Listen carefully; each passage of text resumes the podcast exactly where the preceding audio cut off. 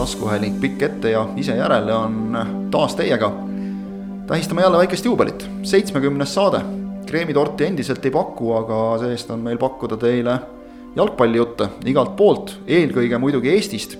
loomulikult räägime karikafinaalidest, sest neid oli meil mitu laupäevasel päeval. räägime sellest, mis premium-liigas olnud, räägime sellest, mis premium-liigas tulekul ja räägime ka oma ajaloo rubriigis olid ajad, olid mehed, sedapuhku kahe tuhande kaheteistkümnenda aasta EM-finaalturniirist. täna teiega Kristjan Jaak Angur, Ott Järvela. tere! ja Rasmus Voolaid. tervist! ei ole siis midagi muutunud võrreldes eelmise saatega, küll aga on muutunud see, et äh, eelmises saates me veel ei teadnud, kes on karikavõitja ei teadnud, kes mängivad sel aastal Euroopas, nüüd teame. FC Flora kaks-üks Narva Transi vastu võitis ise. Rõõmu oli ikka natukene, aga vaata, et rohkem rõõmu oli Paide linna meeskonnal, kes on nüüd ikkagi siis eurosarjas ehk Trans nende ainukene ohustaja viimasel tõkkel langes. finaal oli ju tegelikult täiesti finaali vääriline, kui me nüüd räägime konkreetselt sellest mängust, aga samas Flora võit ka ikkagi võib vist öelda õigustatud. selle rõõmustamise osas noh, ja muidugi Paide jaoks oli see suur kergendus, aga, aga seal nagu ma ei märganud küll, et Flora oleks seda mängu kuidagi kergemalt võtnud. et või, või et see karikas, noh, mis neil ei ole tõesti elu ja surma küsimus, et see oleks neid kuidagi vähem vähem, vähem nagu puudutanud, ei minu meelest ikka mängiti täiega, lihtsalt seal oli jah, oluline erinevus oli see, et, et nende vastas oli meeskond, kelle jaoks oli hooaja tähtsaim mäng ja see oli nagu Transi esituse ja hoiaku poolt nagu igalt poolt näha. kusjuures, et noh, me oleme harjunud tänavuse Transi puhul sellega, et kui, et see, et see meeskond kaotab enesevalitsuse üpris kergesti. kui mingid otsused nende vastu lähevad või, või mingid, mingid muud nüansid ei suju nii, nagu nad tahavad, siis nad kaotavad enesevalitsuse, see siis tähendab kas rumalaid kaarte või muid lapsikuid eksimusi või, või noh, midagi ja siis, siis kokkuvõttes on tulemuseks neil nõnda õpitud abitus, on ju. aga Trans seekord seda suutis vältida äh, terve kohtumise jooksul ja see näitas nagu kõrget distsipliini.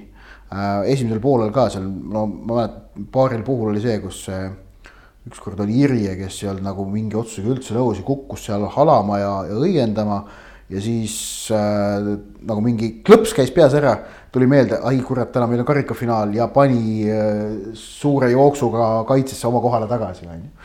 Et, et see oli ka nagu selline noh, Trans mängis seda mängu teistsuguse hoiakuga. Ähm, nüüd üks, üks, üks nüanss on see, kas see nüüd kandub üle ka premium liigasse, siis see kindlasti niivõrd lihtne ei ole. Sellepärast et sarnast hoiakut hoida nagu mängude vältel ei ole niivõrd lihtne, see oli emotsionaalselt laeti ennast selleks mänguks ülesse torkas minule silma, kui ma vaatasin seda neli-neli mängu Levadiaga, et juba seal tegelikult tuli ju ka punane kaart, mida noh, võis lugeda nagu ebaõiglaseks sel hetkel emotsionaalses plaanis. aga suudeti juba, juba siis nagu hoida seda külma pead ikkagi tuldi kaotusseisust välja, et noh, äkki, äkki kandub edasi, äkki on saadud üle sellest hooaja alguse närvilisusest pagan seda teab jah, no too Levadia mängu Novruzovi punane tähendab, et tal jääb kokkuvõttes kolm mängu vahele. Ta sai jah lisakaristuse, nii et. pluss kaks sai juurde jah, nii et ähm, noh, ei, ma, eks näis. Transil noh, ju nad seda viimast kohta väldivad, aga esikuuikusse ronimine on endiselt minu meelest nagu neil keeruline ausalt öelda. et, äh, et seal võistkonnas on ikkagi selgeid puudujääke ka äh, nad suutsid neid üpris hästi käe selles karikafinaalis nagu seda lappida. Ja, ja mind üllatas, et äh, keskkaitses ei tekkinud kiirusega probleeme. kuigi nad kohati mängisid päris kõrge liiniga, Flora muidugi teadlikult ka, Flora paaril puhul langes ise väga madalale, tekitas olukorra, kus kogu Transi meeskond oli vastase väljaku poole peal, välja arvatud väravaht Matrossov ja noh, see tekitas on ju noh, viiskümmend meetrit tühja pinda, kuhu sai nagu joosta, prooviti seda ära kasutada, alati ei tulnud välja. et, ähm, et jah, aga, aga Flora esitus kokkuvõttes oli kindel, et noh, et äh, skoor oli küll kaks-üks, aga no kui nüüd hakata ikkagi võimalusi meenutama, siis esimesel poolajal oli Floral võimalusi, kust nad oleks võinud lüüa kaks-null värava, mis oleks mängu ära tapnud ikkagi, ma olen suht veendunud. enne kui Trans üks-ühe lõi, oli, oli päris mitu. et jah, see realiseerimine nüüd nendes kahes eelmise nädala mängus Transiga oli Floral mõlemal puhul selline mitte kõige parem. Noh, samas muidugi Vassiljevi värav oli väga meisterlik jällegi, terve see kombinatsioon oli väga kaunis aga jah, et, et Floral jah, kui nad realiseerimist suudaksid veidikene parandada, siis nende võidud oleksid Transi üle mõlemad oleksid olnud oluliselt veenvamad. jah, sest noh, Flora ikkagi on ju liikunud niimoodi üle kivide ja kändude sel hooajal, et, et tuleks ikka natuke juurde panna. mänguline see oli see, aa, ma räägin sellise off the record või noh, sellise nõnda kaadrivälise loo nüüd siinkohal, et. et see oli see teisipäevane premium-liiga mäng ja pärast seda ma umbes, vaata, ma küsisin ka Jürgen Henni käest intervjuus, et noh, sa vist me, meeskonna sellise tulemus on hea, aga esitusega sa vist väga rahul ei ole, ta küsis vastu, miks on ju, no sealt noh, läks arutelu, siis pärast intervjuud siis veel vahetas kaks sõna, ütles, et no ma arvan ikka, et tegelikult kui ma selle üle vaatan, ma olen ikka päris rahul, ma ütlesin ka, aga vaata, et Flora on nüüd see, et, et kuna teile, et Florale esitatavad nõudmised on ka tõusnud seoses selle võistkonna eduk-, edukusega praegu et mida edukam on võistkond, seda kõrgemaid nõudmisi me sellele võistkonnale ka esitame. et kui me võrdlemegi nüüd taha või noh, kui hakata võrdlema seda praegust Florat selle hiilgea Levadiaga. see, mis mängis kaks tuhat kuus kuni kaks tuhat üheksa neli Eesti meistritiitlit järjest võitis. Siis noh, tolle Levadia, mida alguses juhendas, on ju Tarmo Rüütli ja, ja hiljem Igor Prins. see ikkagi noh, ütleme sellised võidud nagu Flora võttis seal Kuressaare vastu poolteist nädalat tagasi, see võõrsil neli-null lakooniline, kus kahekümne viiendaks minutiks oli seis kaks-null. et säärased võidud olidki tolle Levadia firma märk, et nad lihtsalt lahendasid mängud kiiresti, konkreetselt klassiga ära ja noh, hoidsid seda. et, et selles mõttes see Flora on võimeline paremaks kui see, mis me nägime eelmisel nädalal mängudes Transiga ja sellised, sellised mängud käivad Floral esimese väravani, peaks käima lihtsalt, mida kiiremini see tuleb, seda kiiremini see tehtud on. nii, aga. Paide, ikkagi, ikkagi Paide, Paide, Paide Euroopas, Paide Euroopas ja küüsi ei närinud, nagu me teada saime yeah. Väga detailselt ühest, ühest teisest väärtportaalist, aga kakssada nelikümmend tuhat eurot ja, ja ikkagi võimalus Euroopas mängida, see, see, on kergendus mingil, mingis mõttes kindlasti Paide jaoks. Kindlasti on see kergendus. emotsionaalses plaanis lihtsalt ka, sest et kui nad nüüd oleks ikkagi sellest eurokohast ilma jäänud, see oleks olnud nagu väike pauk, ma arvan, või? ja see oleks olnud võistkonna emotsionaalne pauk, ma arvan. jah, aga ma arvan, et see oleks olnud, tegelikult ma arvan, see oleks olnud väiksem pauk Paidele, kui see praegu on Transile selles ma arvan, et see, ma arvan, et see Transile oli see sinna eurosarja pääsemine oluliselt tähtsam ja ja vajalikum, aga samas Paide jaoks on see ikkagi märk, et nüüd on ametlikult tehtud järgmine samm. Et kui see me tabelisse vaatame, siis me juba tegelikult näeme seda, et nad on selgelt seal esikoha mängus sees või noh, teise koha mängus siis praegu sees. aga, aga nüüd on see nagu ametlik ja mängivad Euroopas ja ja siit on vaja teha noh, selline hüpe veel edasi, kuidas mängida Euroopas, kas Paide teab seda, kuidas mängida Euroopas, see ei ole samasugune asi nagu mängimine Premium-liigas. ma ei ole sellega nõus, et see, et see oleks olnud Paidele väiksem pauk kui see, mis praegu oli Transil Euroopast väljajäämine. et äh, noh, Trans ikkagi, oleme ausad, pidi asja vaatama reaalselt, nad läksid sellele mängule selge outsider'ina. Äh, kui nad ka kevadel karikateekonda alustasid, noh, neil oli esimene vastane oli kohe Kalju.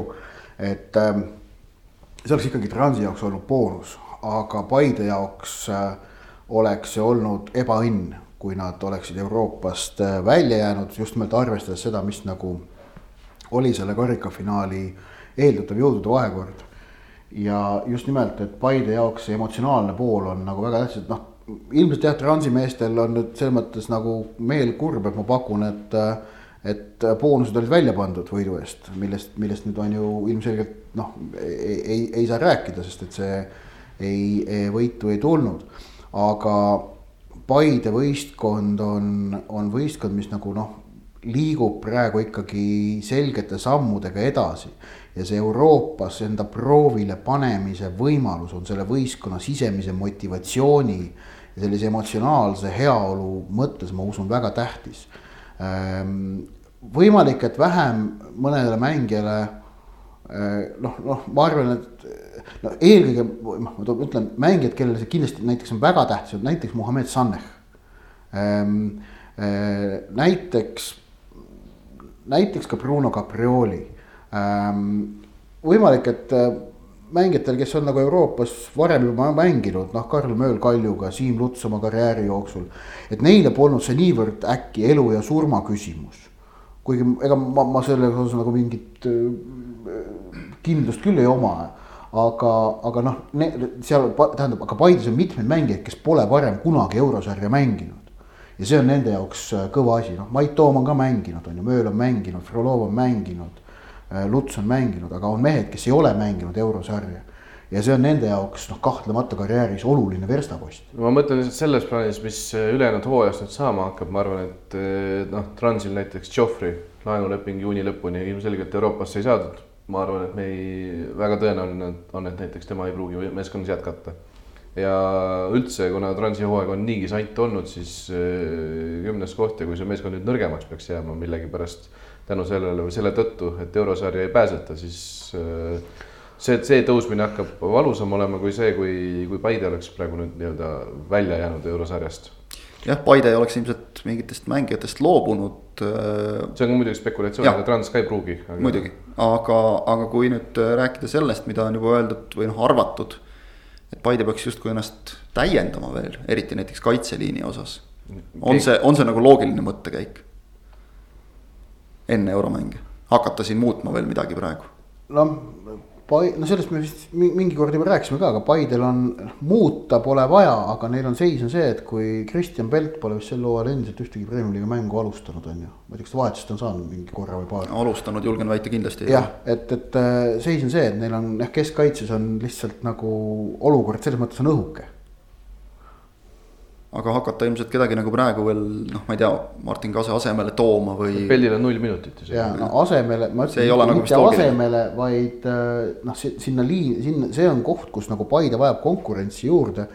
Nad on, nad on äh, ju rääkinud, tegelikult neil on äh, noh, lisaks sellele Draamele, kes on praegu endiselt kodumaal kinni, et neil on ju suviseks üleminekuaknaks üks üleminek kokku lepitud. no ei saa välistada, et see on keskkaitsja me võime noh, muid positsioone rääkides, et noh, kuhu neil nagu otseselt midagi vaja on.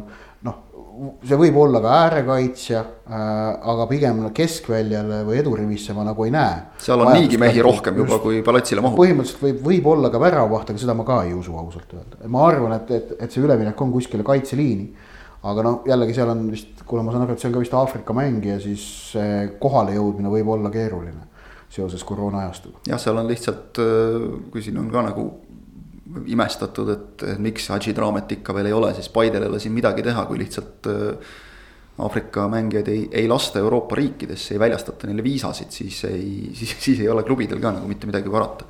tõenäoline on ka see, et kui see uus mängija tuleb, siis äh, see ei ole veel ju suunaga Euroopa liiga peale, kuivõrd enamus Paide uusi mängijaid alati on vajanud äh, mingisugust sisseelamisaega, ei tule sellised, sellised mehed sealt, kes nagu esimesest hetkest kohe on kõvad algkoosseisu täiendajad. jah, neile antakse aega, Capriolile anti, Lubegale anti. Silvale anti ka, kui Silva, Silva lõpuks ei saanudki temast asja, aga noh. jah, aga, aga see on nagu selge suund, et, et pigem nagu lastakse mehel rahulikult sisse elada ja, ja siis hakatakse vaikselt minuteid tilgutama Premium-liiga juurde jõuame ka, aga, aga kui me karikafinaalist rääkisime, siis äh, äh, naistefinaal, see oli nüüd neist kolmest ainuke selline, mis kujunes väga ühepoolseks. tegelikult sa Ott võtsid ka juba selle mängu luubis laupäeval äh, kokku, kokku ütleme nagu laiema pildi, mida see kohtumine ja, ja tulemus ja, ja mängupilt näitasid ja et noh, mängu ma seal väga nagu kokku ei võtnud, et mängu kohta võib lihtsalt öelda, et, et, et Flora naiskonna äh, näidatav jalgpall on kohati väga kaunis, et äh, seda nagu soovitan vaadata, kas siis meie ülekannetest või minna ise koha peale, koha peale seda kaema, et seal nagu sellist äh, noh, on näha, et see võistkond on, on kokku mänginud, et ta on noh, sihikindla tööga on jõutud teatud tasemeni, kus seda jalgpalli mida nad mängivad, nad juba sel-, väga selgelt naudivad ja nad naudivad just nimelt seda, et see tuleb neil välja, sest nad on seda noh harjutanud kõik. läbi protsessi, eks ole, seda Jaa. nauditakse just. Seda, seda ka, et, et me oleme teinud tuima tööd nii-öelda trennis ja, ja nüüd hakkavad need asjad mängus ja välja sel- ja tulema. selline väike meisterlikkus seal tuleb nagu väljaku erinevates otsustes välja, et äh, tõsi jah, väravat Ketrin Striginit eriti nagu noh, ei pandud äh, proovile peaaegu üldse mitte, aga aga, aga noh, et ka seal kaitseliinist näeb, näeb selliseid noh, kuidas nagu mängitakse sellise sümpaatse enesekindlusega. noh, keskväljal äh, muidugi Katrin Loo eesotsas, aga, aga ka teised mängijad ja nende osavus ja ja noh, nii see, nii see kõik nagu kokku, kokku jookseb, aga, aga mis mu nagu põhi nagu mõte ja idee sellest karikafinaalist äh, tõesti oli, oli see, et, et pagana kahju, et äh, teised Eesti tippklubid ei võta äh, naiste jalgpalli sama tõsiselt nagu Flora praegu. Levadial naiskond Rahvaliigas äh,. Paidel on ühendnaiskond Ajaxi ka esiliigas. Kalju on nüüd üle pika aja kõrgliigas ähm, kolmeaastase pausi järel, aga ja, ja no noh sinna saadi avansina, mitte, mitte ei võidetud, no just, koostöö välja isegi okei okay., aga, aga jah, et, et äh, peaks olema rohkem nagu selliseid klubisid, kelle jaoks äh, naiste jalgpall on nagu selles mõttes nagu selgelt nagu, kuidas öelda, sihipärase tegevuse subjekt. nagu ta on Floral, et see on omamoodi näiteks on ta Tammekal, on Pärnu Vaprusel, kes mängib küll meestes on ju esiliigas, naistes kõrgemas mängus. äh, ja on ka Tallinna Kalevil muidugi, et Kalev küll selle karikafinaali selgelt kaotas ja noh, seal ütleme siin hooaja eel olid vist mingid lootused või ootused, et Kalev suudaks tänavu Florale konkurentsi pakkuda, nad on kaks karikafinaali neile kaotanud üks-viis ja null-kuus. et selles mõttes seis on Kalevi poolt vaadates, need ootused ei vasta tõele, et, et aga küll, küll aga noh. on siis naisteliigas vist näha seda, et, et Kalevi ja Saku vahel see hõbedavõitlus tuleb ilmselt väga nagu huvitav, et ma arvan, et äkki sportlikult kõige põnevamad mängud sel aastal Eesti naiste kõrgliigas ongi Saku Sportingu ja Tallinna Kalevi vahelised noh, me võtame, paneme sinna siis sportliku taseme nüansi ka nagu juurde, et noh, muidugi tabelis kõrvutavad võistkonnad ikka. et, et sellest on jah, see on nagu, see on nagu naiste jalg, Eesti naiste jalgpalli jaoks probleem, et oleks nagu rohkem selliseid keskkondasid, kus, kus, kus nagu naiste jalgpalli niivõrd sihipäraselt suhtutaks. tõsi, ma ütlen kohe, et pärast seda artiklit mulle noh, näiteks anti ka, mis ma, mis ma kirjutasin, mulle anti ka teada, et noh, et Paide näiteks, et Paide olla proovinud seda asja eelmine aasta, eelmine aasta nagu teha, aga lihtsalt äh, väikeses kohas ongi seda keeruline teha, see on arusaadav. Kindlasti ja noh, arvestades seda, et Paide oma klubi ehitab noh, suhteliselt ikkagi veel on algusjärgus oma nagu ehitustöö ja kõige sellega mm, -hmm. siis anname neile aega. aga mõtlesin just sama asja, et Eesti lõikes müts maha, ütleme BJK ees, kes seda nagu aastaid jõudis ja tahtis vedada. või Põlva Lootus või seesama Saku Sporting, aga et noh, Põlvas, Sakus, kust need ressursid võetakse? Kui me võrdleme näiteks Eesti tippklubidega. et panustada ka, ka naiste jalgpalli nii palju, kui vaja oleks, seda on noh, selle, selle najal ütleme tõesti siiras tunnustus neile, et, et nad seda asja veavad, aga sealt lagi tuleb ikkagi suhteliselt kiiresti ette. no ja ütleme siis nii, et, et kui võtab Flora asja tõsiselt ja võtab Saku Sporting asja tõsiselt, siis ei saa Saku Sporting mängida juba puht loogiliselt fullale. just, et nad võivad noh, teha parima, mis neil võimalik on oma vahendite juures, aga Flora võimalused on lihtsalt niivõrd suured, aga Florale on ju edu toonud tegelikult see, et teadlik sihipärane töö ja see hakkab tegelikult vilja kandma nüüd, ütleme viimastel paaril, viimasel paaril aastal aga, aga tegelikult see võttis ikka kõvasti aega, enne kui selleni jõuti isegi Flora võimaluste juures. ega nad BJK tagant mm. välja ei hüpanud. just ja ma mõtlen isegi seda, et, et noh, Sakud, lootused kõik. See, see on tubli, mida nad teevad sellel kohalikul tasandil, aga et viia seda naiste jalgpalli nagu veel kõrgemale tasemele. et me oleksime, et nad olla, et nemad oleksid ka näiteks konkurentsivõimelised, kui nad mängivad välisklubidega. seda stabiilselt, seda noh nõuda või eeldada neilt, selle peale ehitada nagu süsteemi. arvestades ressursse on, on võrdlemisi keeruline, et tõesti, nagu me oleme rääkinud ka noorte jalgpalliga seoses, et. see ei ole nagu mõttega suuri, mingeid suuri Eesti suurklubisid kuidagi tampida, aga see töö, mida seal tehakse just nendel. ütleme siis isegi püramiidi nagu kõrvalastmetel, see kohati noh, ütleme siis ikkagi otse välja, jätab soovida nojah, et noh, nendest rääkides näiteks Levadia ja naiste jalgpall, kaks tuhat seitse kuni kaks tuhat üheksa võitsid nad kolm Eesti meistritiitlit, kaks tuhat kümme kuni kaks tuhat kaheksateist võitsid pronksi iga aasta, siis loobusid naiste jalgpalli, naiste tippjalgpallist, tegelikult loobus Levadia selle, selle lihtsalt selle valdkonnast, et jah, võistkond äh, neil põhimõtteliselt lagunes, aga noh, võistkond laguneb ikkagi mitte ainult iseenesest, vaid ikkagi sellepärast, et, et klubi enam mingil hetkel ei panusta sinna piisavalt, ei, ei näe ja siinkohal ei tasu nagu rääkida seda, et, et see peaks olema nüüd professionaalsust pakkuma ja palka pakkuma, see ei ole Eesti naiste äh, pallimängudes hetkel lihtsalt reaalne, aga selline noh, korralikud tingimused, need on kahtlemata tehtavad. ja, ja ongi, Flora vajab omakorda tegelikult konkurentsi, et, et noh, kui nad üksinda niimoodi teevad, siis on, siis noh, neil on neetult keeruline sellise konkurentsi pealt minna ja naiste meistrite liiga eelringis Äh, noh, saada vastu tugevamatele. et noh, nad, nad enamasti saavad, enamasti nad saavad, on ju sellise loosi, et noh, neil on üks vastane on see, keda nad võiksid võita. ja siis, aga tegelikult on vaja võita nagu vähemalt ühte selgelt endast tugevamat, et jõuda kuskile edasi. aga noh, see on nagu keeruline, kui sul kodune konkurents on säärane küsisin Aleksandr Ževoldajevalt pärast kuus-null mängu, et kas nüüd on valmis naiskond äh, sellise mänguga Euroopasse minema, vastus oli ei mm -hmm.. ehk siis kuus-null võidad Eesti tugevuselt teist naiskonda tabelis äh, karikafinaalis, aga ei ole veel valmis. ja ei no see oli, see oli, mulle väga meeldis, et see oli vist üheksakümne esimene minut, kui Flora keeras mingi käki kokku seal kuskil tagumisel äärel, no ei olnud midagi väga suurt, aga mingi selline asi.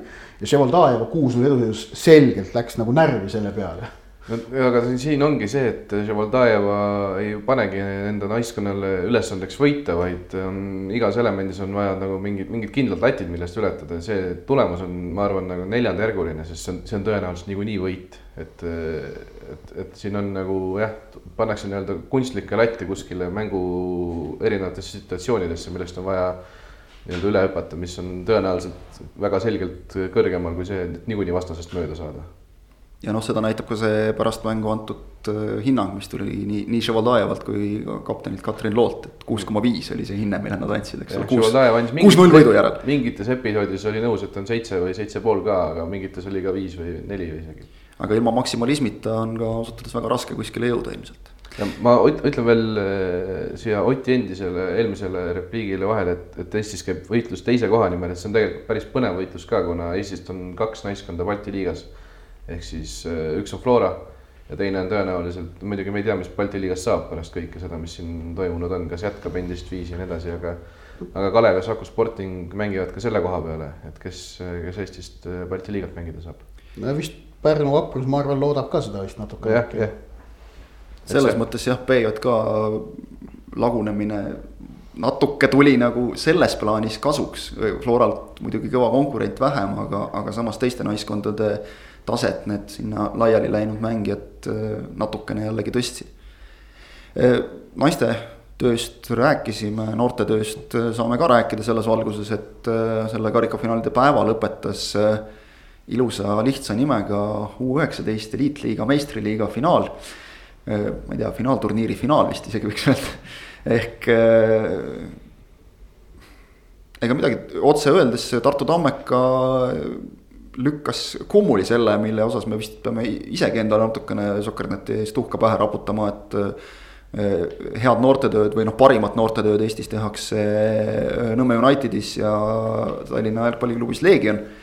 Eh, Tammekale oli see selline, tundub, et mõnus, mõnus stiimul, mõnus, mõnus väike torge ja poolfinaalis pandi Nõmme United kotti üks-null ja finaalis Leegion samamoodi, okei okay,. punane kaart esimesel poolajal, esimese poole lõpus Leegioni keskkaitsele Markus Aurelius Toorule, see muidugi muutis mängu kõvasti, Leegion pidi ümber orienteeruma. aga ka selle põhjal, mida näidati esimesel poolel üksteist üheteistkümne vastu mängides. see oli võrdne mäng ja ei saa öelda, et, et Tammeka ei oleks seda tiitlit kuidagi väärinud või neil oleks õnne olnud seda võitles, ei. see, see võeti ikkagi ka tänu sellele, et on aastaid juba tehtud korralikku sihipärast tööd. tegelikult kogu see Tammeka U19 meeskond sisuliselt mõne üksiku erandiga, algkoosseisu vähemalt vaadates, mängib juba teist aastat esiliigat, mängib sellisel korralikul esiliiga keskmiku tasemel. ja noh, pannes juurde näiteks Patrick Enro-Veelmaa kogemused premium-liigast, siis see annab juba, juba kokku päris, päris tugeva pundi ja, ja, ja minu meelest just ennekõike ka nagu märgiliselt, see on tähtis, et see tiitel läks Tallinnast välja. Ega see mõnes mõttes ju tegelikult väga suur äh, üllatus ei olnud selles vanuseklassis konkreetselt, äh, uus üheksa, U üheksateist vanuseklassis äh, on väga palju, väga palju Tammeka mängijaid olnud viimastel aegadel koondises, vaatan praegu, kui, kui nii-öelda see viimane koondis lahti teha, kuus Tammeka mängijat on U üheksateist koondisse kantud, ehk siis nagu selles vanuseklassis Tammeka triumf ei olnudki ju tegelikult mingisugune suur üllatus, et nad Nõmme Unitedist ja, ja Leegionist üle sõidavad eelmistes ja järgmistes vanuseklassides oleks see, ma arvan, olnud, olnud pigem suurem. üle sõidavad on muidugi natuke. jah, ja jah, ma saan aru, tartlane sinus lööb välja praegu natukene, aga, aga selle, selle anname andeks siin oli mõeldud tõesti lihtsalt võitmist. seal oli väga sümpaatne minu jaoks vaadata, kuivõrd nagu korda see võit äh, Tammeka mängijatele läks, et ma mängu ei vaadanud, ma vaatasin tõesti ainult tipphetki ja, ja siis, aga noh, tipphetkedest oli ka näha seda, et kuidas nagu lõpuhile kõlades see see joovastus, mis vallandus või ka see, kui karikat, karikas kätte saada, siis see nagu tõestas, kuivõrd tähtis see võistlus selle võistkonna jaoks oli. ja see on hea märk. see, see näitab, et kogu see, ka see U, U19 eliitliiga projekt on, on selles mõttes õnnestunud, ennast õigustanud. et see läheb väga selgelt korda ja see eeldatav, ma usun eeldatav auhind, mis sellega kaasneb, on siis noorte meistrite liiga võimalik pääse et see ilmselt ka motiveerib piisavalt, ilmselt selle noorte meistrite liigaga on nüüd selle koroona tõttu kõige keerulisem. karta on, aga, aga noh, ikkagi see kodune õigus vastu rinda lüüa endale, et me oleme oma vanuseklassi parimad, see, see maksab selles vanuses ka päris palju kindlasti. muidugi. Leegionile maksis selles mängus võib-olla kätte kerge ülehäälestumine. sest et oli noh, algusest peale näha, teisel minutil tuli esimene kollane kaart, kuigi teleülekandes see paistis ka kenasti kätte, et seda mängu vilistanud Kristo Tohveri äh, üks põhilisi sõnumeid äh, kaptenitele loosimisel vahetult enne mängu algust oli, et rahulikult. ehk ta luges selgelt sõnad peale, et mängime puhtalt. Ärme teeme lollusi, et ma ei peaks teist kedagi ära saatma, oli selle ilmselge tagamõte tegelikult teisel minutil tuli esimene kollane kaart Legionil, äh, sama kaardi võtnud mees flirtis teise kollasega juba üsna pea.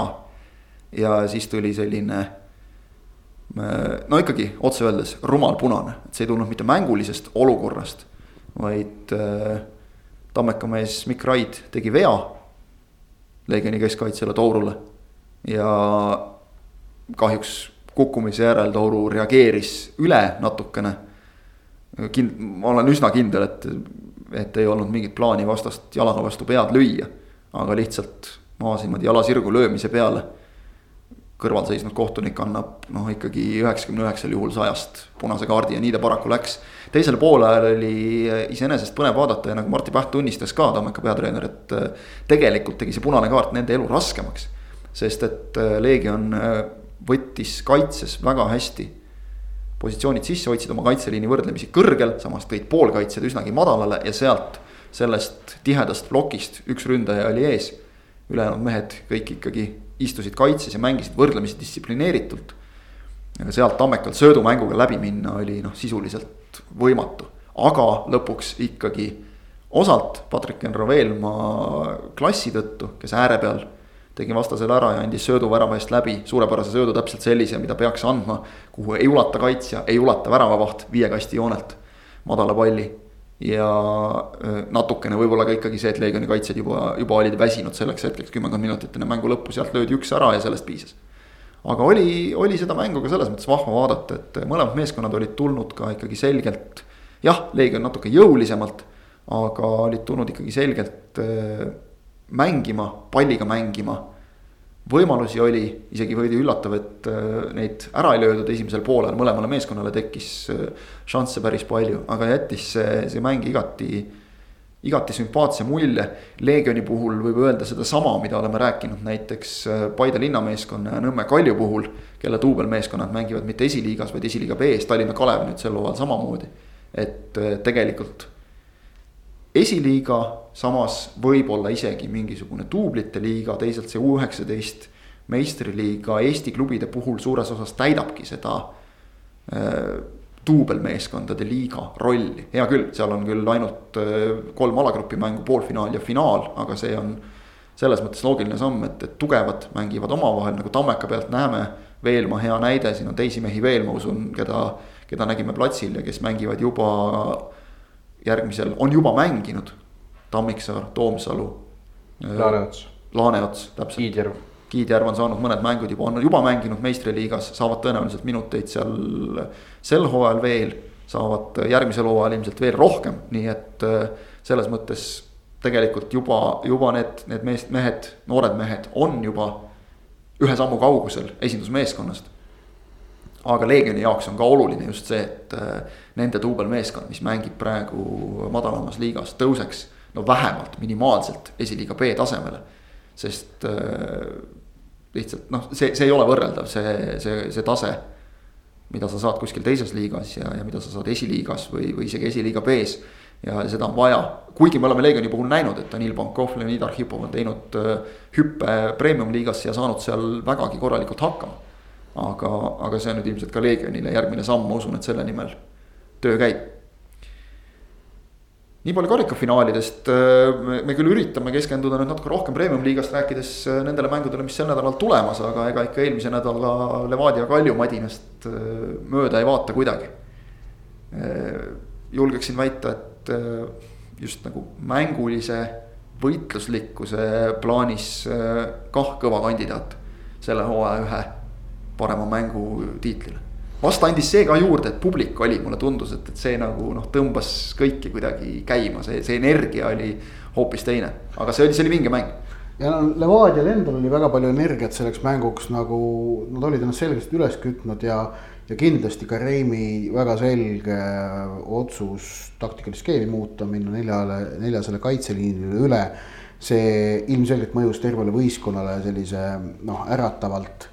Ja, ja see aitas kaasa sellele, et Levadia seda mängu väga äh, hästi alustas ja, esimest poolega domineeris äh,. ja, ja kindlasti jah, publiku kohalolu, ma usun, oli ka oluline mõjutaja selles Äh, aga jah, et Levadia siis ei suutnud ikkagi seda asja, seda ülekaalu ära vormistada.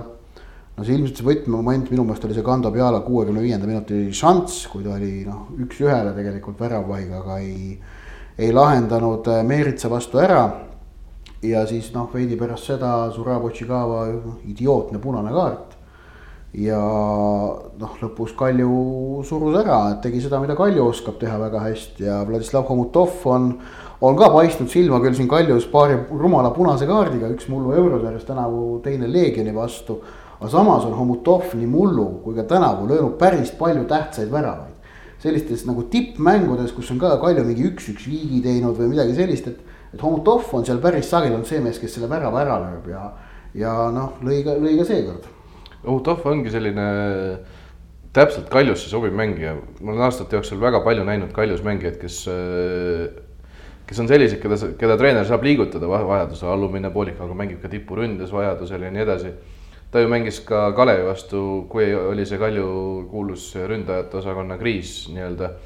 ta lükati lihtsalt tipuründesse, lõi seal kaks olulist väravat ära, millega tõi nagu sellise rahuliku ja kindla ja tähtsa neli-null võidu. lõi Florale, lõi nüüd Levadiale, et ta tõesti ongi selline väga hea mängija Kalju jaoks aga kokkuvõttes muidugi see viik kumbagi ei rahulda. nagu sa, nagu sa Ott ütlesid, äh, Otšikava, see punane ikkagi noh, loll punane. ja no, nüüd lühikese aja jooksul teist korda järjest juba, et, et Rein tegelikult mängujärgses intervjuus äh, poetas ka sellise lause, et, äh, et, et võib-olla tuleb natuke rohkem Eesti meestega mängida, kui need välismaalased nagu ei vea välja selles mõttes just, et tegelevad veidikene valede asjadega väljakul kas, kas on pannud ikkagi mingil määral puusse oma legionäridega? ei no sellest me oleme pikalt rääkinud, jah muidugi on, noh. Need Safronov ja Otšikava, nende, nende tase ei ole piisav. no nende ootused, see, sääraste meeste osas on selgelt nagu kõrgem. samas ma ütlen, Kolomojets mängis minu meelest ühe oma parima mängu Levadiast, mulle tema, tema tegutsemine mulle jällegi meeldis. aga no Otšikava on, on nüüd võtnud sel aastal juba kaks rumalat punast kaarti äh, Äh, Safronovi seis on see, et äh, kui oli vaja siis uut keskkaitset platsile saata, siis saadeti lipp pingilt. Mitte Safronov, Safronov mängis järgmine päev esiliigas. kõik öeldud. U kakskümmend maailmameister on toodud siia, mängib meil esiliigat, sellepärast et põhis ta ei pääse peale. et noh, need ei ole selgelt nagu noh, ei ole selline, ei ole selline tase nagu vaja. vähemalt ei suuda ta seda taset välja mängida siin praegu ja ja, aga jah, kokkuvõttes on seis siis see tõesti, et Levadia on, on ju äh, kümme punkti maas Florast ja seis selles mõttes keeruline. Ähm, samas jällegi võistkonna esitus tolles mängus oli kahtlemata säärane, mis nagu andis märku, et asjad võivad hakata liikuma õiges suunas ja, ja noh, eks siin nüüd järgmised mängud ole see tõehetk, et nüüd, nüüd on Levadial vaja siin kohustuslikke punkte natukene aega ära võtta ja siis tuleb äh, mäng Floraga.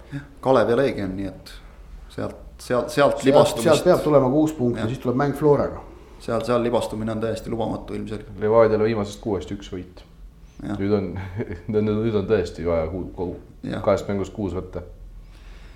ja noh, ega Kaljul tegelikult ka selles plaanis väga palju kui me nüüd tiitlimängust räägime, kiita pole. Marko Kristal jäi küll rahule sellega, mismoodi ikkagi viik välja võideldi ja kuidas mehed tahtsid, aga. aga võib-olla Kalju ambitsioon peaks olema natukene kõrgem sellest, et noh, mehed tahtsid võidelda. No Kaljul on praegu vigastustega väga keeruline seis sellest ei saa nagu mööda vaadata, et, et Pedro Victor ja Sander Puri kaotamine, noh, mõlemad ikkagi kõiki mänge põhikoosseisus alustanud mehed, et see lööb igale võistkonnale paugu ma ei tea, võtame, võtame Florast ära äh, noh, kes me, võtame, võtame ära keskväljalt näiteks, võtame ära, no okei okay,, Alliku, noh. no tegelikult võib öelda Vassiljev ja Kuusk. Sisuliselt ikkagi Vassiljev ja Kuusk. jah ja., no muidugi see mõjutaks seda võistkonda, tohutult mõjutaks, aga Kalju just need kaks meest ju kaotas ja, ja noh, ründajate osas on endiselt, et Odilaavial vist oli jalg kipsis olnud ja, ja Kleini vist pole endiselt nüüd uuesti kippu ja kõppu olnud. et noh, on keeruline. pisivigastused e juurde veel, Raudsepal mure just, jäi eemale. Avilov sai nüüd selles mängus vigastada. Subbotin ei, ei saa mängida üheksakümmend minutit, nagu Kristel ütles, trauma väike vaevab praegu, nii no, et. Käed on ikka väga seotud. just et, et äh, noh, seda arvestades jah, Kristal praegu peab seal sellist algkeemikuna nagu tegutsema, et, et äh, kruusast kulda tegema. Noh. Kaljul on väga äh, intrigeeriv mäng nüüd homme kohe ees ootamas kodus Kuressaare, Kuressaare, kes noh, ise kindlasti tahaks öelda, et ei üllatanud kedagi, aga kolm-null just võib-olla see, et nii kindel võit Viljandi tuleviku üle. üllatus see ju ikkagi oli Sander Laht sai muidugi kaane maha lõpuks ja, ja sai nüüd putsadele autogrammi anda ja need ära kinkida, ehk et aasta aega väravata nüüd siis tuli kohe nagu paisu tagant, aga. aga, aga see kolm-null kindlasti oli ootamatu, kuigi mingid asjad selle kasuks rääkisid, arvestades seda, et, et noh, Kure mängis kodus. Neil oli Viljandi tulevikule null viis kaotuse eest väga palju tõestada, seal ei pidanud ilmselt eraldi motiveerima mehi, piisas, kui Kožuhovski ütles, et mäletate, mis eelmise mängu seis jäi ja, ja oli motiveeritud. aga kolm-null ikkagi üllatus. tulevikul on vaata nüüd paar sellist, Tulevik on muidu mänginud hooaeg hästi ja neil on sisse juhtunud kaks mängu, kus nad on totaalselt aia taha läinud. see kodune Nõmme Kaljuga vist oli null kuus ja nüüd see Kuressaares null kolm. muudes mängudes nagu on ju noh, esitus olnud hea tulevikul reegel, isegi kui Levadiale kaotati või kui ka Florale kaotati, ega ei mängitud halvasti. aga jah, kaks, kaks mängu on nüüd totaalselt aia taha läinud, et, et sellest null kuuest tuldi kiiresti välja. et nüüd ongi vaadata, kuidas nad sellest null kolmest, äh, Kuressaarest saavad null kolmest kosuvad. jah, tulevikul noh, mäng, kus ütleme ka kaotada nagu palju ei ole, Floraga tuleb nüüd kodus madistada, ehk et äh, noh, seal, seal nad on hoolimata oma heast mängust outsiderid, aga samas esimene kodumäng publikuga nüüd ja, ja tõesti kaotada pole midagi, et, et võib-olla see jällegi võtab kuidagi mingid pinged maha, et. Äh, Kure vastu mindi ikkagi oma peas päris kindlasti soosikuna, Flora vastu vaevalt, seal on mõnigi mees, kes, kes just Florale tahaks üht-teist näidata. Eroli otsa vaatan nagu ennekõike selles, selles aspektis. tasub vaadata jah, ja ütleme, see null kolm Kuressaare vastu on kindlasti piinlikum kaotus või nagu raskem, ma ütleks, on vähemalt teoorias sellest välja tulla, kui, kui Kaljule null kuue pealt. seedida kindlasti raskem. just, just. Kuressaare hea minek muidugi, loodetavasti siis väike roll on selles ka, et ise eelmises saates eksisin faktidega nende kohta, mis nii-öelda olid nende, nende kahjuks, äkki see siis sütitas nii Sander Lahte, kes ma tean, et kuulab seda saadet, on sellest avalikult, avalikus ruumis ka rääkinud, et ta kuulab ja, seda saadet. ta on mängujärgsetes intervjuudes tsiteerinud meie saate pealkirja suisa. loodetavasti siis. aitäh oli... reklaami eest, ütleme siinkohal. äkki oli, äkki oli väike, väike roll selles ka, kui tõesti päris jämedalt isegi mööda panin faktidega jah, üks, üks tulemus jäi seal lihtsalt. valepidi läks. jah, kahe silma vahele, see seeria oli muidu iseenesest äh, natukene nukker küll, selles osas sa mitte ei. ei eksinud, aga mitte nii nukker jah. aga nüüd siis äh, Roman Kožuhovski tagasi Hiiul. jaa, see on huvitav.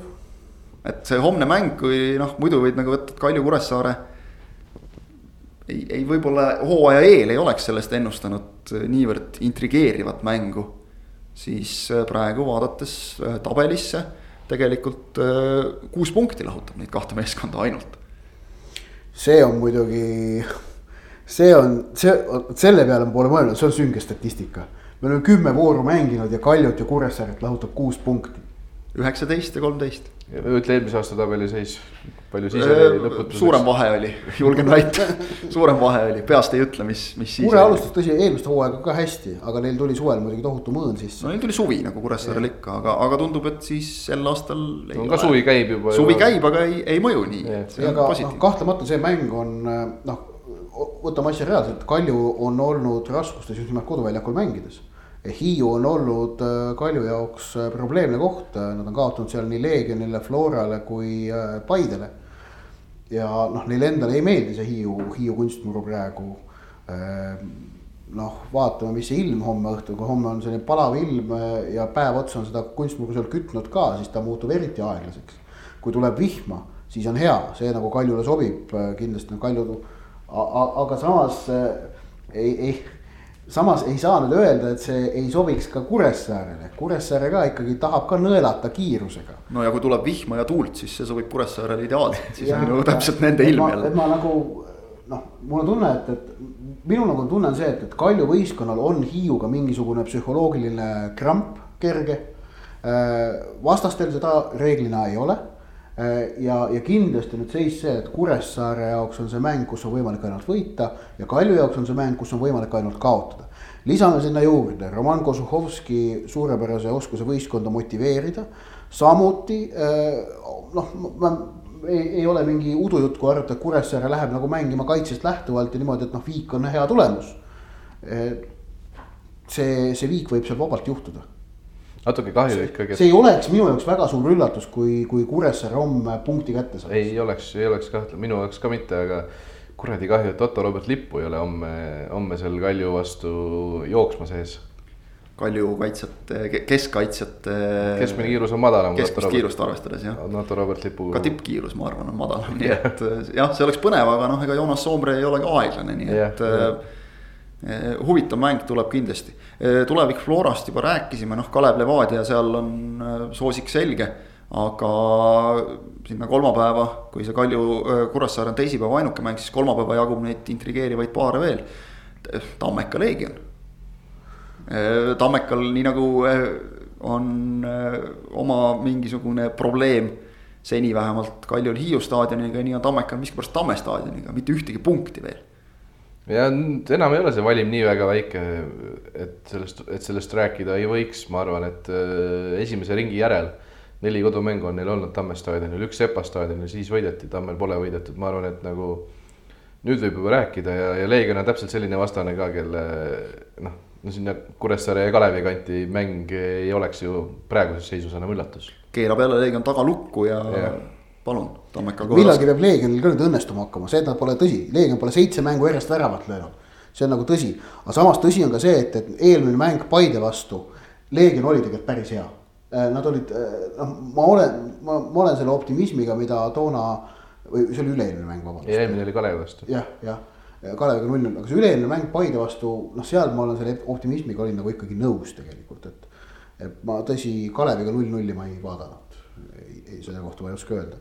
et jällegi ei oleks üldse üllatav, kui tähendab noh, Tammeka on soosik. aga see, et Leegion võtab punkti või isegi kolm, ei oleks mingi nüüd maailma suur, suur üllatus. ja Transil võimalus äh, ikkagi Paidele kätte maksta selle eest, et Seal Paide sai nende eurokoha ja, ja arvestades eelmist omavahelist mängu, mis lõppes ju noh, ikkagi. Ütleme, kui, kui teinekord nagu sa ütlesid, et äh, sa sõnastasid kuidagi jube hästi alguses, et Trans läheb selle, et Trans nagu laseb emotsionaalselt mõjutada, õpitud abitus oli see vist, eks ole Mm -hmm. et äh, ta laseb, Trans laseb emotsionaalselt mõjutada ennast valeotsustest, siis äh, noh, Paidega omavahelises mängus neile tõesti tehti liiga, see ei olnud penalti, mis määrati ja ütleme, mängija antud juhul Rissa Lubega pettis kohtuniku ära paraku. ja aga, ja seal on nagu tõestamist on Transil küllaga. ja aga nendest kolmest mängust siin olen ma soosiku võidus kõige rohkem veendunud. minu jaoks on see jällegi selline mäng, kus äh, sõltub väga sellest, me teame umbes, milline Paide väljakul tuleb, aga Transi puhul me ei saa olla kindlad ja seal on kõik variandid selles suhtes võimalikud, seal on võimalik, et Trans krutib ennast äh, just nimelt see põhimõtteline lahing Paidega, kuna Paide võttis nende eurokoha, see eelmine mäng, äh, Skani lahkumine ja nii edasi. Nad võivad ennast üles krutida ja isegi ülim õnnestumise ju- juures kaks-null, kolm-null võita.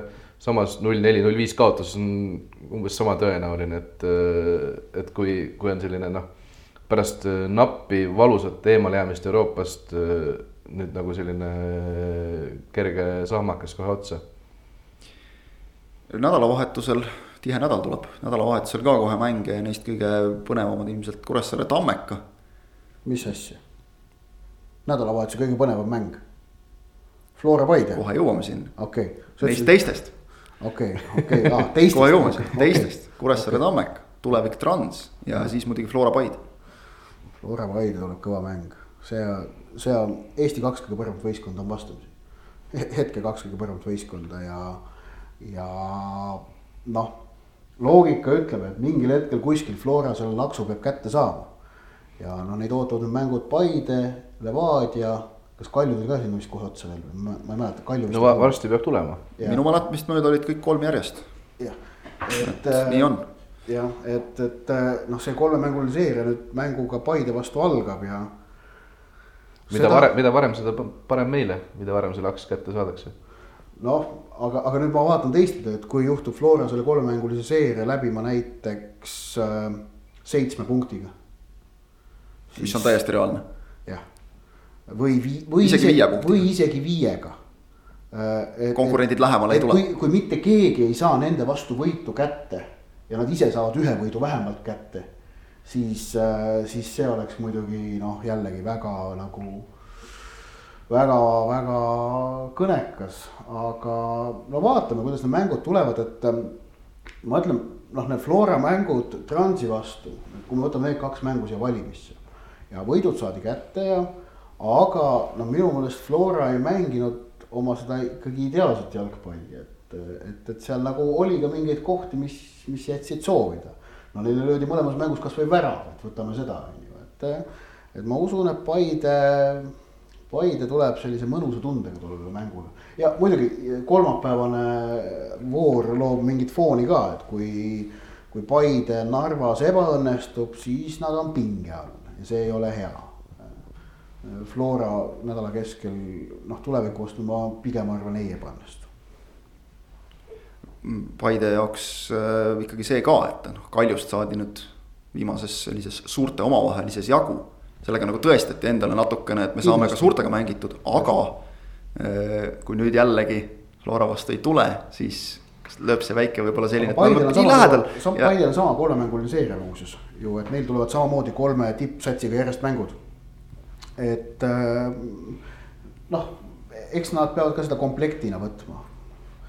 sa, Paide tuleb, ma arvan, Flora vastu väga sellise noh, noh eeldusel, et jah, nad Narvas ei põru, nad tulevad sellise mõnusa tundega samas ma ei usu, et, et kui neil juhtub see mäng nagu nurja minema, et, et see neil nagu masti maha võtaks, ausalt öelda. et kui nemad saavad näiteks ütleme kolmemängulisest seeriast põhikonkurentidega kätte Neli punkti. ütleme neli punkti jah, kaotavad Florale ja võit-viik, see oleks okei okay, okei nende jaoks see oleks okei okay,, ma arvan jah, ma, ma arvan, Paide ise vaidleb meile vastu, et ei ole, aga aga ma, ma, ma siit enda mättast, ma arvan, et see latt okei okay., latt peabki kõrgel olema, nemad peavadki nii mõtlema, et seda on vähe, aga, aga noh, viis näiteks oleks juba selge õnnestumine, viis ja üle. huvitav see, et äkki, äkki juhtub niimoodi, et kõik need mängud, mis siin tipud omavahel mängivad järgmise kahe poole nädala jooksul, kõik mängud viiki. Siis... üldse ei saa välistada kusjuures. no ei, saab ikka küll tõenäosusteooria, okei, okei, Flora ikka midagi ära võtab, eks. selle, ei selle võib ikka välistada, ma arvan, kõik viiki ei jää, aga siis, siis nagu. see oleks mingi viis viiki või? jah, kuus vist isegi ja. kes usub, pange panused. ei, kuus vist jah Äh, viis ikkagi jah, aga, aga see tõmbab nagu, see tõmbaks tabeli nagu mõnusalt tihkemaks veel kokku, et tulevik tuleks tagant lähemale ja. Kuressaare tuleks lähemale. Kuressaare lähemale ja noh, nõnda edasi. Tammekal ka omad plaanid kindlasti seal, seal järel. Nii et põnev nädal on kindlasti, kindlasti tulekul, me võime neist mängudest ilmselt veel, veel pikalt rääkida, aga nagu sa Ott väga õigesti ütlesid, et, et nädalavahetuse mängudele mingisuguse fooni annab kindlasti nädalasisene, sisene voor ja seal saadavad tulemused nii et võib-olla ongi meil paras hetk hüpata seekord üle praegusest välismaa jalgpallist, sest kus asjad on selged, seal on nad juba selged. Ja kus nad veel selged ei ole, seal on veel natukene aega minna, nii et me jõuame kindlasti nendest kõikvõimalikest, äh, ennekõike siis Hispaania, Itaalia ja natukene ka Inglismaa keerdkäikudest rääkida, aga, aga läheme siis ajas hoopis mitte enam väga kaugele tagasi, rubriiki olid ajad, olid mehed. EM kaks tuhat kaksteist Poola-Ukraina, mis andis äh, väga paljudele ka Eesti jalgpallisõpradele ikkagi väga taskukohase võimaluse EM-i. kas siis mõlemas riigis isegi soovi korral või, või emmas-kummas kogeda. üldiselt ju tegelikult poolakad ja ukrainlased said nende turniiride korraldamisega kenasti hakkama. mis, mis teie mälestused, esimesed mälestused nendest turniiridest on? no esimene mälestus on see, et kui vähe puudu jäi Eestil, kui me läheme nagu noh, natukene enne, enne, mis, mis sellele turniirile eelnes, on ju, ilmselgelt see valiktsükkel, kus siis Iirimaa sai ja Eesti ei saanud, kui nüüd vaadata lihtsalt mustvalgelt tabelisse, võib-olla läks hästi, et me ei saanud. Iirimaal ei õnnestunud, muidugi oli raske ka tahta, et neil midagi õnnestuks, kui nende gruppi loositakse. no neil ennekõike ei õnnestunud jah, loosiga, loosiga just ei vedanud aga. kui sul on Hispaania, Itaalia, Horvaatia, siis sealt äh, ka iirlastel midagi saada. paras neile, paras neile, et nad siukse grupi said. üks üheksa ja finaalturniiri viimane koht siis. no kui meil oleks finaalturniiri viimane koht väravat vahel üks-üheksa, ma oleks küll selle üle rõõmus olnud. jah, tegelikult Iirimaa, Iirimaa suutis viigi väraval lüüa isegi see. noh, et, et äh, selles mõttes ei, ei saanud öelda küll, et hea, et ei saanud, et kindlasti kahju, et ei saanud, aga, aga samas tulemus oli, oli ju noh, selge, et, et kahe mängu kokkuvõttes üks-viis, et iirlased olid paremad. aga kahtlemata see euro kaks tuhat kaksteist oli Eesti, Eesti vaatevinklist see, et, et sel ajal olid need mõtted, mis siis, kui et äh, mis oleks olnud siis, kui äh, meie oleksime seal nagu osalenud või mänginud. Ähm, too turniir ise on siis ikkagi jah, noh, selles mõttes ähm, tähtis, et ta oli viimane kuueteistkümne võistkonna osalusel peetud EM-finaalturniir. ja noh, kui sellest nüansist äkki alustades, siis, siis see, see jutt nüüd on küll juba ilmselt natukene ülejärgmise saate oma, kui me räägime kaks tuhat kuusteist EM-ist, aga ma võin seda siin ka natuke rääkida, et et, äh, et noh, see kuueteistkümne koondisega finaalturniir, see tundus nagu selline ideaalne lahendus, et piisavalt kompaktne, piisavalt väike. Eh, samas eh, piisavalt eh, sportliku taseme poolest võrdne. noh, tegelikult kaks tuhat kuusteist EM lükkas selle ümber, et ei olnud, ei olnud mingit muret ka kahekümne neljaga mängida. tõsi, see, et kuueteistkümnega enam ei mängita, võtab ära nüüd väikeriikidelt korraldamisvõimekuse, samas noh, näiteks Poola on juba piisavalt suur riik, et ma arvan, ta saaks ka kahekümne nelja koondise turniiriga tegelikult hakkama, noh infra. noh, ilmselt natukene vajab mingeid suuremaid staadione, aga okei okay,, see selleks. aga noh, jah, et näiteks kui kaks tuhat neli oli EM oli Portugalis, siis noh, Portugali jaoks käiks see kahekümne nelja satsiga turniir pigem juba üle jõu. et see ongi noh, oli Prantsusmaal, nüüd tuleb üle Euroopa, kahekümne neljandal aastal on Saksamaal. et see nagu sellised, sellised piirid ta seal äh, nagu peale seab. Äh, aga turniir ise oli ikkagi noh, minu jaoks oli seal see sportlik ootus oli see, et, et, et kas Hispaania teeb selle asja ära, et see oli minu jaoks ikkagi võttis selle, andis sellele turniirile sellise selge tooni. et kas Hispaania teeb ära selle, võtab kolmanda tiitli järjest. noh, nad tegid ära ja see oli minu meelest võimas. ja, ja see oli selline, see on väga vägev kompliment ja tunnustus kogu sellele noh, Hispaania jalgpallikoolkonnale, mis teda ajastut on ju iseloomustas ja teine nüanss oli, oli paraku siis see, et mõlemad võõrustajad äh, langesid, kumbki ei saanud alagrupist edasi, ei Poola ega Ukraina. noh, mõlemad lootsid tegelikult sellelt turniirilt oluliselt rohkem. noh, ja Poolal, oleme ausad, see, et nad sellest alagrupist edasi läinud, see oli ikka pettumus, et kui sul no. on alagrupis Tšehhi, Kreeka, Venemaa, Poola. No paremat loosi pole võimalik saada, kui saada sa oled Poola sealt, saada, saada sealt öö, kolmest mängust kätte kaks viigipunkti, see on noh, lati alt läbi jooksmine. ja, ega neil oligi seis oli kahe mängu järel oli täitsa okei okay,, et neil oli kaks viiki, et noh, tegid okei okay, avamängus tegid Kreekaga ja siis teises mängus tegid Venemaaga. aga noh, neil oligi vaja, et võida Tšehhid ära viimases mängus ja, ja oled edasi, aga nad kaotasid Tšehhidele. et, et see läks nagu neil nagu väga selgelt viltu. noh, oleksid olnud edasi, kusjuures võidu korral grupi võitjana. grupi võitjana, nii et, ja, ja ise ei teinud oma, oma tööd ära. just ja B-alagrupp oli siis see, kus nagu, kus me nägime siis seda, kuidas Holland hakkas alla käima. sellepärast et, et jah, nad, nad kaks aastat hiljem MM-finaalturniiril veel tegid sellise noh, tagasi, tagasi, tagasipõrke ja võitsid pronksi, on ju aga noh, et seal olid esimesed mingid Hollandi ohumärgid ilmselt sellepärast, et oli ju jutt, et B-grupp on surmagrupp, sest seal on koos Saksamaa, Portugal, Holland ja siis ka üks väike Taani no,. asi päädis sellega, et noh, Holland äh, kaotas avamängu Taanile, kaotas teise mängu Portugalile ja audi, ei, ta ei olnud ametlikult audis.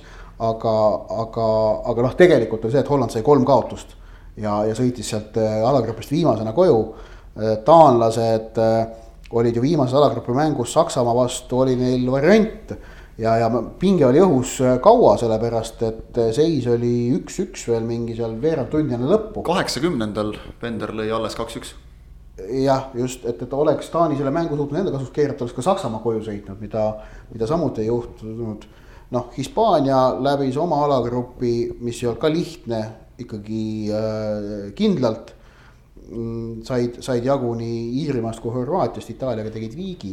Selles alagrupis, kui, kui me nüüd iirlastest korra veel räägime, siis, siis selles mõttes muidugi iirlaste ees müts maha, et nad oma märgi sellele turniirile jätsid selle null-neli kaotuse ajal eh, Hispaaniale oma, oma ühislauluga kohtumise lõpus, kus, kus, kus näidati, et, et okei okay,, väljakul ei tule välja, aga siin, siin tribüünil me, me nii kehvad ei ole ja siis D-alagrupp oli, oli see, kus äh, Inglismaa suutis selle üllatuslikult võita.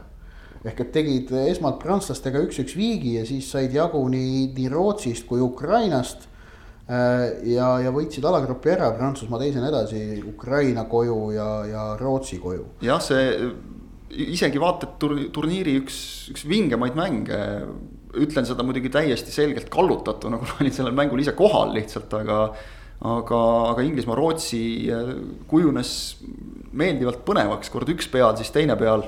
Inglismaa läks võtsid ette, Rootsi läks kaks-üks ette, Inglismaa võitis kolm-kaks. just, et, et äh, inglased lõpuks said oma võidu kätte, võitsid siis Ukrainat ka.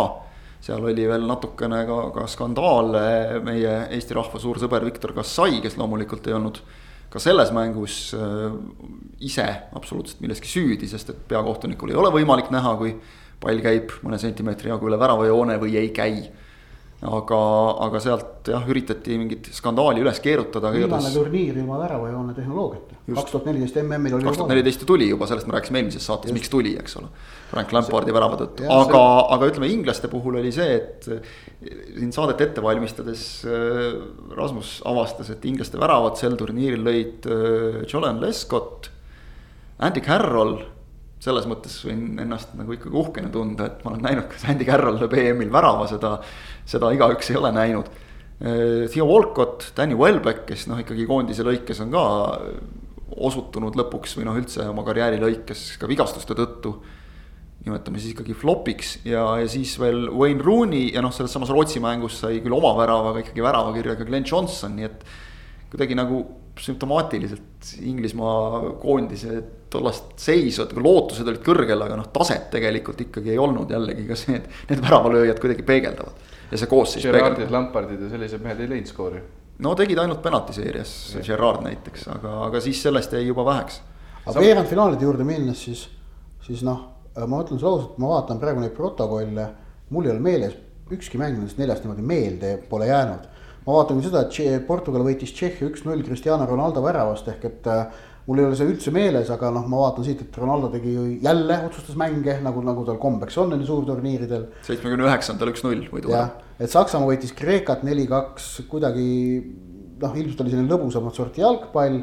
Ja et Hispaania võitis Prantsusmaalt kaks-null, see vist oli lakooniline mäng, mul on tunne, et Xabi Alonso otsustas ära. sama, kusjuures mul ei ole ei, ka ei, nendest ei, mängudest mingit mälupilti ja isegi sellest Inglismaa-Itaalia penaltiseeriaga lõppenud mängust. see oli null-null noh, see oligi vist halb mäng ja see oli penaltiseerimine, kus inglased kaotasid.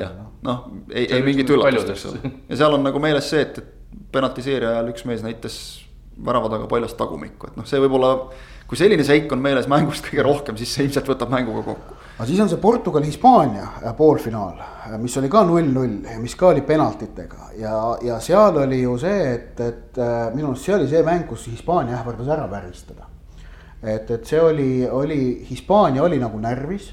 Nad kartsid Ronaldot, sest et nad noh, nad tundsid Ronaldo kvaliteeti ja, ja see oli nagu noh, nende jaoks selline ohukoht ja, ja noh, seal oli see, et penaltiseeria algas sellega, et mõlemad, Alonso, kes oli eelmine mäng realiseerinud penalti, penaltiseerias eksis, aga noh, Portugali poole peal Joe Mutinho eksis ka äh, sinna otsa kohe, ehk et tegelikult Hispaania alustas penaltiseeriat eksimusega.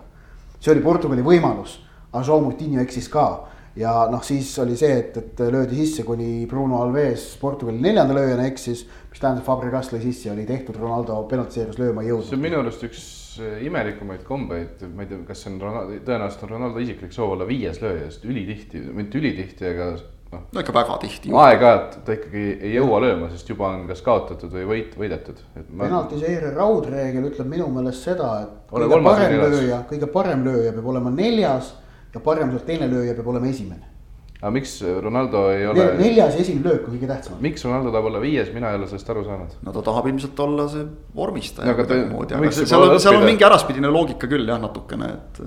kui sa nagu ühe või kaks korda oled juba selle taktikaga puusse pannud, siis ei tea see jääb, seda, seda peab kunagi siis, kui saab temaga intervjuud teha, siis peab küsima ta käest, et. järgmine, järgmine kord ma küsin ja siis, siis jõuame sinna selle mänguni ka nüüd. aga siis tuleb turniiri põhimäng, teine poolfinaal Saksamaa-Itaalia, see oli turniiri kõige parem mäng, kõige meeldejäävam mäng, kõige tähtsam mäng. see oli vägev mäng, see oli Mario Balotelli mäng. Kangur, kas saaks selle, selle pildi Mario Balotellist selle uudise juurde ka?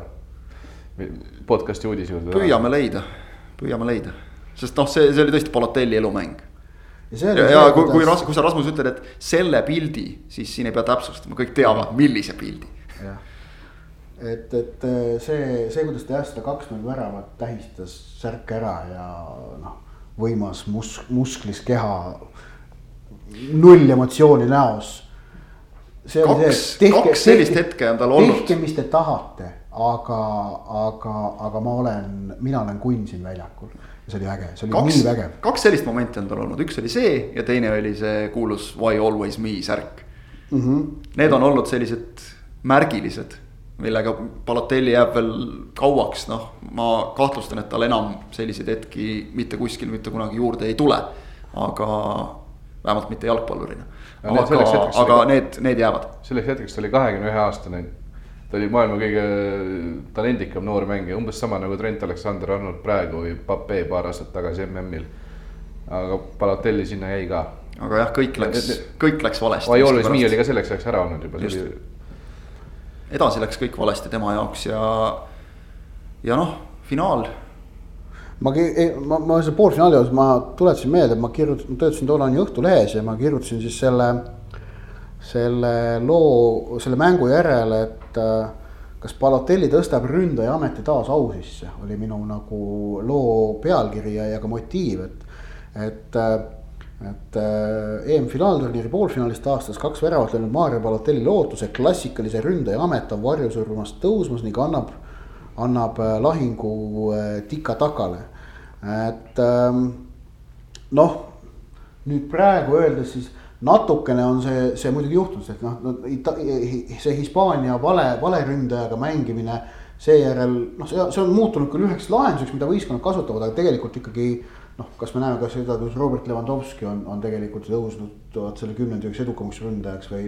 Benzemaad ja asjad. Benzemaad, Aguero'd, et, et tegelikult tagantjärele võib öelda, et isegi natukene vist oli, oli, oli, oli nagu õigus.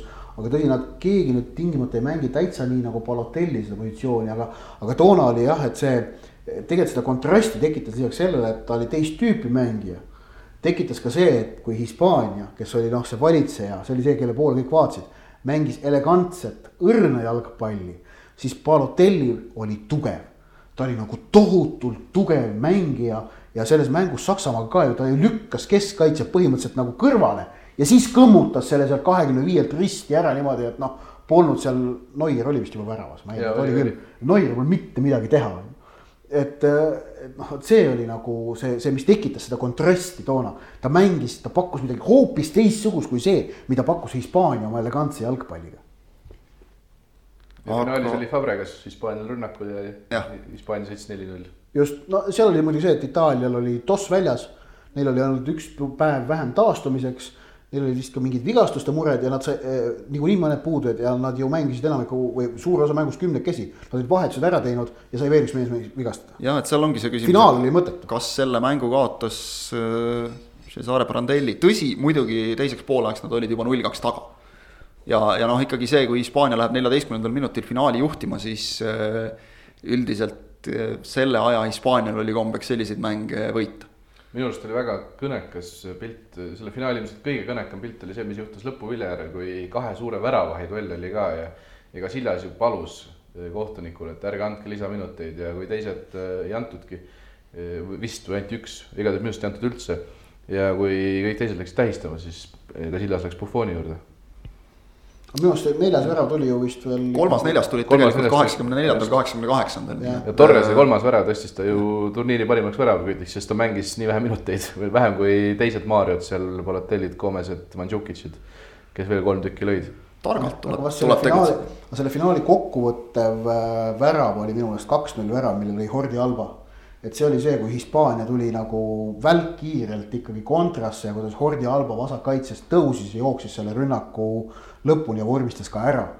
ja see, see nagu võttis selle Hispaania üleoleku tolles mängus minu meelest väga niimoodi noh, selgelt kokku ja, ja selles mõttes noh, võttis kokku ka selle natukene seda Hispaania valitsusaega mõnes mõttes. Hispaania ju mängiski tegelikult tollal sellist noh, omamoodi nagu totaalset jalgpalli, et kõik, kõik olid ohtlikud. jah no Del Boskil oli, oli, ma usun, lust seda võistkonda juhendada.